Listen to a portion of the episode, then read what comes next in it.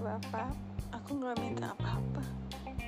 aku hanya minta tolong kabulkan doa dan permohonanku kali ini ya Tuhan.